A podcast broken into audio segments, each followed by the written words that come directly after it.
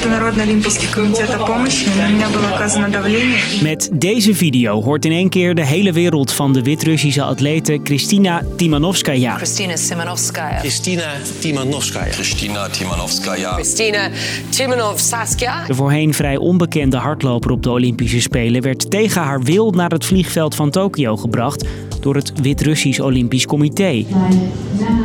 Volgens Timanovskaya zelf gebeurde dat omdat ze kritiek had op haar coaches. Maar terug naar Wit-Rusland, dat durfde ze niet. Ik ben Marco en vandaag leg ik je uit hoe de kritiek van een Wit-Russische atlete het startschot gaf voor een internationale rel. Lang verhaal kort. Een podcast van NOS op 3 en 3FM. Oké, eerst even de feiten. Wat is er allemaal gebeurd? Het begon allemaal met deze post op Instagram. Een dag voordat Timanovskaya eigenlijk de 200 meter zou lopen. In de video klaagt ze dat ze hals over kop aan de estafette moet meedoen, vertelt Rusland-correspondent Iris de Graaf. De hoge bazen hier beslissen alles voor ons. Dat deelde ze op Instagram. En die Instagram-post zorgde voor veel ophef op de Wit-Russische staatstelevisie. Zoveel zelfs dat haar ouders haar waarschuwden om vooral niet terug te komen naar Wit-Rusland. En dat deed ze dus ook niet. Ze vroeg het Internationaal Olympisch Comité om hulp. En ook sprak ze op het vliegveld Japanse agenten aan toen ze even aan de aandacht van haar begeleiders ontsnapte.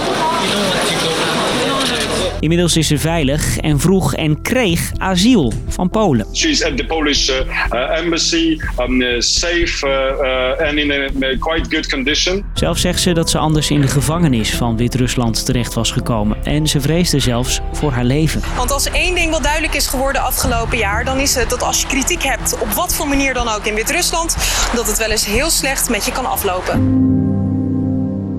Wit-Rusland is dus een land dat een streng regime voert. Kritiek op Lukashenko, al 27 jaar de president van het land, is er eigenlijk gewoon verboden. Hij wordt door sommigen ook wel de laatste dictator van Europa genoemd. All they've arrived here doing is clapping, but they're immediately facing arrest.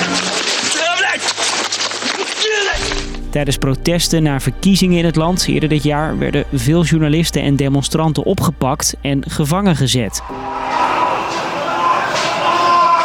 Je hoort het gekerm en gekrijs in de gevangenissen na martelingen.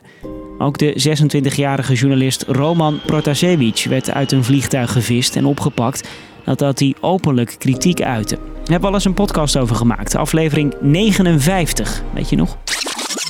Wie is hij en waarom leidt dat tot zoveel boosheid in de EU?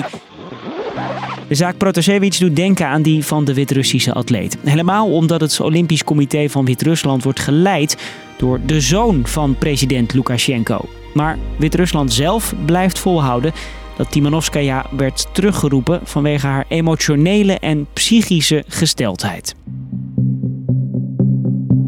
Je weet nu dat Wit-Rusland niet van kritiek houdt en dat de Wit-Russische atlete vermoedt dat ze daarom werd teruggeroepen. Maar hoe nu verder? Ik vertelde het net al, ze mag dus naar Polen. Volgens de Poolse ambassade in Japan is ze meer dan welkom. She's free to pursue um, her sporting career um, in, um, in Poland, but that would be her decision. Polen is een duidelijke tegenstander van het regime in Wit-Rusland. Logisch dus dat ze bereid zijn om haar te helpen, zegt correspondent Wouter Zwart. Omdat eh, Polen eh, het buurland is van Wit-Rusland, dat zich echt wel hele grote zorgen maakt over de dictatuur daar vlak over de grens. En Polen is niet de enige. Ook de Europese Unie en Amerika veroordelen de Wit-Russische actie om de atleten naar huis te sturen. Zo twitterde de Amerikaanse minister van Buitenlandse Zaken dat het een belediging is van grondrechten.